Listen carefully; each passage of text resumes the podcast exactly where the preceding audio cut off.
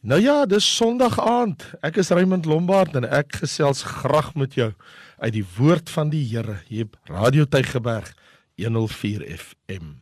Ons is besig met 'n reis deur die boek Hebreërs. Kom ons lees saam. Hebreërs hoofstuk 9 vanaf vers 11 tot en met vers 22. Maar Christus wat opgetree het as hoëpriester van die toekomstige weldade het deur die groter en volmaakter tabernakel wat nie met hande gemaak is nie dit wil sê wat nie aan hierdie skepping behoort nie ook nie met die bloed van bokke en kalwers nie maar met sy eie bloed eenmal ingegaan in die heiligdom en 'n ewige verlossing teweeg gebring. Want as die bloed van stiere en bokke en die as van 'n vers wat die verontreinigdes besprinkel, heilig maak tot reiniging van die vlees. Hoeveel te meer sal die bloed van Christus wat homself deur die ewige gees aan God sonder smet geoffer het, julle gewete reinig van dooie werke om die lewende God te dien. En daarom is hy middelaar van 'n nuwe testament, sodat terwyl daar 'n dood plaasgevind het, vir die verlossing van die oortredinge onder die Eerste Testament, die wat geroepe is, die belofte van die ewige erfenis kan ontvang. Want waar 'n testament is, moet noodsaaklik die dood van die testamentmaker aangekondig word. Want 'n testament is geldig by sterfgevalle, aangesien dit nooit van krag is solank as die testamentmaker nog leef nie. Daarom is ook die Eerste Testament nie sonder bloed ingewy nie. Want toe elke gebod volgens die wet deur Moses aan die hele volk aangekondig is, het hy die bloed van die kalwers en bokke saam met water in skarlakenrooi wol en hisop geneem en die en die boek self en die hele volk besprinkel en gesê Dit is die bloed van die testament wat God met die oog op julle verorden het. En byna alles word met bloed gereinig volgens die wet en sonder bloedvergieting vind daar geen vergifnis plaas nie. Nou vriende, dis baie duidelik uit hierdie gedeelte die voortreffelikheid van Christus se verlossing. Want ons het hier die teenwig van wat doen dierebloed en wat doen Christus se bloed. Wat was die ou verbond en testament en wat is die nuwe verbond en testament?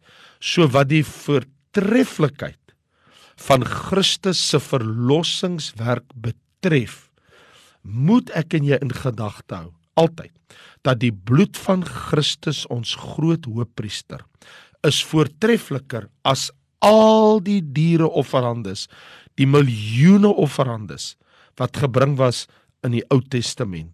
Omrede 1 die bloed van Jesus was 'n een eenmalige eens en vir altyd offer of verlossing. Geen dierebloed kon dit ooit vermag nie, want die dierebloedoffers is jaar na jaar maand na maand, week na week, dag na dag gebring onder die ou verbond.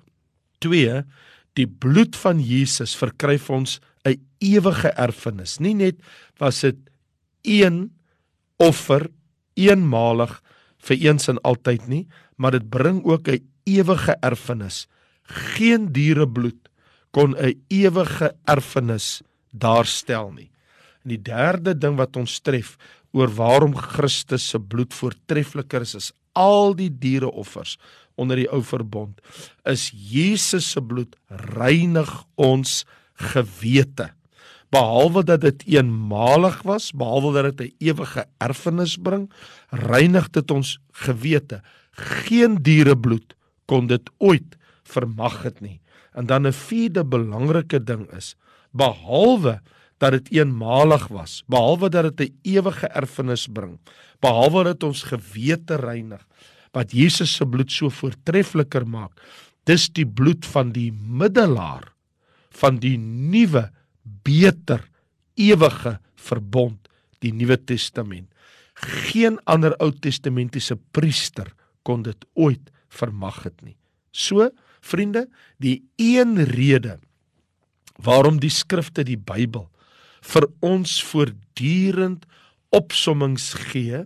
Ander woorde dit bring 'n klompie gedagtes bymekaar en herinner ons weer net opnuut aan dit wat belangrik is wat God wil hê ons moet onthou is ek en jy as mens ons vergeet so maklik. En so opsommings help ons om te onthou. Want as jy gaan kyk na die boek Romeine Paulus doen dit voortdurend in die boek Romeine. Moses doen dit voortdurend in sy boek Deuteronomium so Hebreërs hoofstuk 9 en Hebreërs hoofstuk 10 funksioneer as ware as 'n opsomming van al die leringe wat gegee was in die vorige 8 hoofstukke. So, wat is die een groot opsomming wat ons raak sien? En dit is die voortreffelikheid van Christus bo die Levitiese priesters. Want vers 11 en 12 sê Christus het opgetree as hoëpriester van die toekomstige gewelddade het deur die groter en volmaakter tabernakel wat nie met hande gemaak is nie dit wil sê wat nie aan hierdie skepping behoort nie het hy nie met die bloed van bokke en kalwe soos wat die priesters doen nie maar eenmaal met sy eie bloed in die heiligdom ingegaan so die vers begin ook met maar kyk mooi na vers 11 maar Christus. Want in die vorige verse bespreek hy mos die ou verbond en die ou Levitiese orde priesterdom stelsel wat 'n mens se gewete nie kon reinig nie. Hy sê mos daar in vers 9 aan die einde vers van vers 9 wat hom wat die diens verrig na die gewete nie volkome kon maak nie. So die ou priesterskap die Levitiese priesterskap onder die Aaronsorde kon nie mense se gewete volkome maak nie, maar nou sê hy in vers 11: "Maar maar Christus." In ander woorde, Christus se priesterlike werk vermag wat die Levitiese stelsel van die Ou Testament nie kon doen nie. Christus het deur die groter volmaakter tabernakel wat in die hemel is gegaan met sy bloed. En sê vers 12: eenmal ingegaan. Die priesters moes elke dag, elke week, elke maand, elke jaar gedurig moes hulle ingaan. So waar die Levitiese priesters voortdurend sover dit die aardse tabernakel betref, moes ingaan met diere bloed.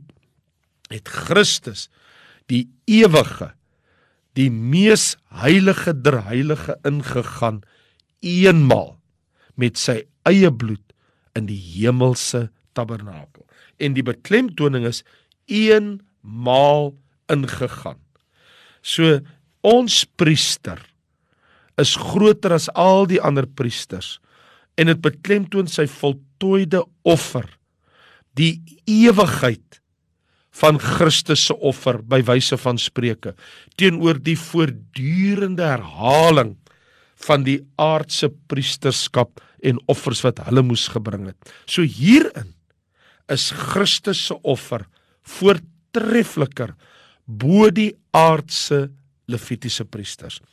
En dan die tweede punt wat hy wil maak oor die voortreffelikheid van Christus is die voortreffelikheid van Christus bo die levitiese offers.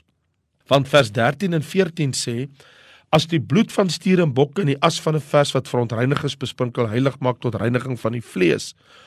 Hoeveel te meer sal die bloed van Christus wat homself deur die ewige gees aan God sonder smet geoffer het, julle gewete reinig van dooie werke. Praat van Christus se offer om tot God te nader onder die ou verbond onder die ou stelsel offers het net seremonieele reiniging gebring. Rituele reiniging. Maar hier in vers 13 sien ons reiniging van die vlees. So in ander woorde, daai seremonieele reinigings was net uiterlike reiniging. Dit kan nie die innerlike persoon, die hart, die gewete reinig nie. Maar in Christus is dit anders. Hy sê in vers 14: Christus wat hom sonder smet geoffer het, julle gewete reinig van dooie werke om die lewende God te dien. So Jesus se offer neem die las van skuld weg van die mens se gewete. So die gewig van ons sonde wat ons voor God veroordeel is weggeneem. Daai gewig wat op jou druk, daai las wat op jou druk, daai skuldige gewete wat op jou sit, dit word weggeneem deur Christus se offer. Dis ons maar wat Jesaja vir ons sê. In Jesaja 53, daai baie bekende gedeelte oor die een wat sal kom, die een wat sy mond nie oopgemaak het nie en wat vir my en jou geoffer is. Sê mos daar in Jesaja 53 vers 11. Baie sal hy regverdig maak en hy sal hulle skuld dra. Jy hoef nie jou skuld te dra as jy by Christus kom nie. Hy neem ons skuld weg. So, ons het nou 'n innerlike reiniging. Ons het 'n gereinigde gewete voor die Here. Ons kan voor die lewende God kom staan en ons kan hom dien sonder vrees. Of course, we have a reverence for God. Ons het 'n heilige vrees vir God omdat hy God is en ons 'n mens is. Maar die punt hier is ons is gereinig van dooie werke, dinge wat niks beteken nie. So Christus is voortreffliker in sy offer. Hy is voortreffliker as priester. Nou maak hierdie skrywer 'n derde punt. Die voortreffelikheid van Christus as middelaar van die nuwe verbond. Soos jy sien in vers 15. Daarom is hy middelaar van 'n nuwe testament. So die woord verbond en testament word hier gebruik as sinonieme terme, anderswoorde as wisselterme. Ons kan dit afwissel van mekaar. Ons praat van die Ou Verbond of die Ou Testament, Nuwe Verbond en Nuwe Testament. So Jesus Christus is middelaar van 'n Nuwe Testament. Jy sal onthou in Matteus 26 vers 26 die nag toe Jesus verraai is, het hy brood geneem en hy het dit gebreek en hy het vir hulle gesê neem eet dis my liggaam en toe hy die beker neem toe sê dis die bloed die bloed van die Nuwe Testament wat vir baie uitgestort word tot vergifnis van sonde. So hy is middelaar van 'n beter verbond gegrond op beter beloftes. Dus Jesus het inderwaarheid vir my en jou die beloofde ewige erfenis bekom. Hoekom sê ons beloofde? Dis 'n versekering van iets wat God beloof het wat beter is. Ewig? Ja, dit kan nie vergaan nie. 'n Erfenis, die seëninge wat ons ontvang in hierdie dinge. Daarom sê die woord ook vir ons in die woord in Efesiërs 1:3 geseënd is die God en Vader van ons Here Jesus Christus wat ons geseën het met alle geestelike seënings in die hemele in Christus. So vir almal wat geroep is. Ander woorde, die wat alle mense wat geantwoord het op God se roepstem en hulle tot die Here bekeer, hulle het 'n ewige erfenis. Dis wat hier staan in vers 15. Hulle het 'n belofte ontvang van die ewige erfenis. So God seën ons met kostelike ewige seëninge in sy seun Jesus Christus. God se seëninge oor jou lewe kan nooit ophou nie. God se seëninge oor jou lewe is ewig. Sy hand op jou lewe is ewig. Die erfenis is ewig. Christus se werk is ewig. Die reiniging van ons gewete is ewig. So hierdie verse openbaar aan ons hoe Christus ons verlossing bewerkstellig het. En hy skryf dit aan ons soos 'n testament dat iemand wat gesterf het, se testament is mos in werking. Jy het sekerlik 'n testament, ek hoop so. Jy behoort 'n testament, jy sit verskuldig in jou familie. Nou wil ek 'n ding sê. Die Bybel sê in vers 15: Christus is middelaar van 'n Nuwe Testament, maar nou sê hy 'n testament is geldig by sterfgevalle aggesien dit nooit van krag is solank as 'n testamentmaker nog leef nie. So jy mag 'n testament hê, maar dit beteken niks want jy is dood nie. Jou testament kan alleenlik oopgemaak word jou laaste wil, want dis ons wat jou testament is. Dis jou laaste wil. So jou laaste wil, ek wil dat my kar gaan na my seun toe, die huis gaan na my dogter toe en dit en dat. Wat jy ook al gesê het, wat is jou laaste wil? Wat is jou begeerte? Daai wil, daai testament, die Bybel sê, Christus het vir ons 'n nuwe testament daar gestel. Maar daai testament kan alleenlik in werking tree wanneer die testamentmaker, die een wat die testament opgestel het en geteken het, wanneer hy sterf. As jy nie gesterf het, is jou testament nie geldig nie. As dit korrek opgestel is en jy sterwe, dan is die testament geldig. So, hy verduidelik nou vir ons dat die Ou Testament was ingestel by die dood van die bokke en kalwers. Hy sê die Eerste Testament, die Ou Testament, elke gebod en al die wette is met die bloed van bokke en kalwers besprinkel en die wetboek en sommer die mense ook. Hy sê dit is hoe die eerste verbond ingestel is. Moses het die volk die mense met dierebloed besprinkel, hy het die wetboek met bloed besprinkel, hy het die tabernakel en al die gereedskap het hy met bloed besprinkel. So hy toon aan ons dat hierdie verbond inisiasie seremonie van die Ou Testamentiese verbond by die berg Sinai wat God vir die volk gegee het, die 10 gebooie aan al die wette in die wetboek van Moses. Dit is met die sprinkel van dierebloed is dit ingestel. Bedoelende die straf vir verbondsongehoorsaamheid is die dood. So die hoofgedagte hier is nie sonder bloed nie.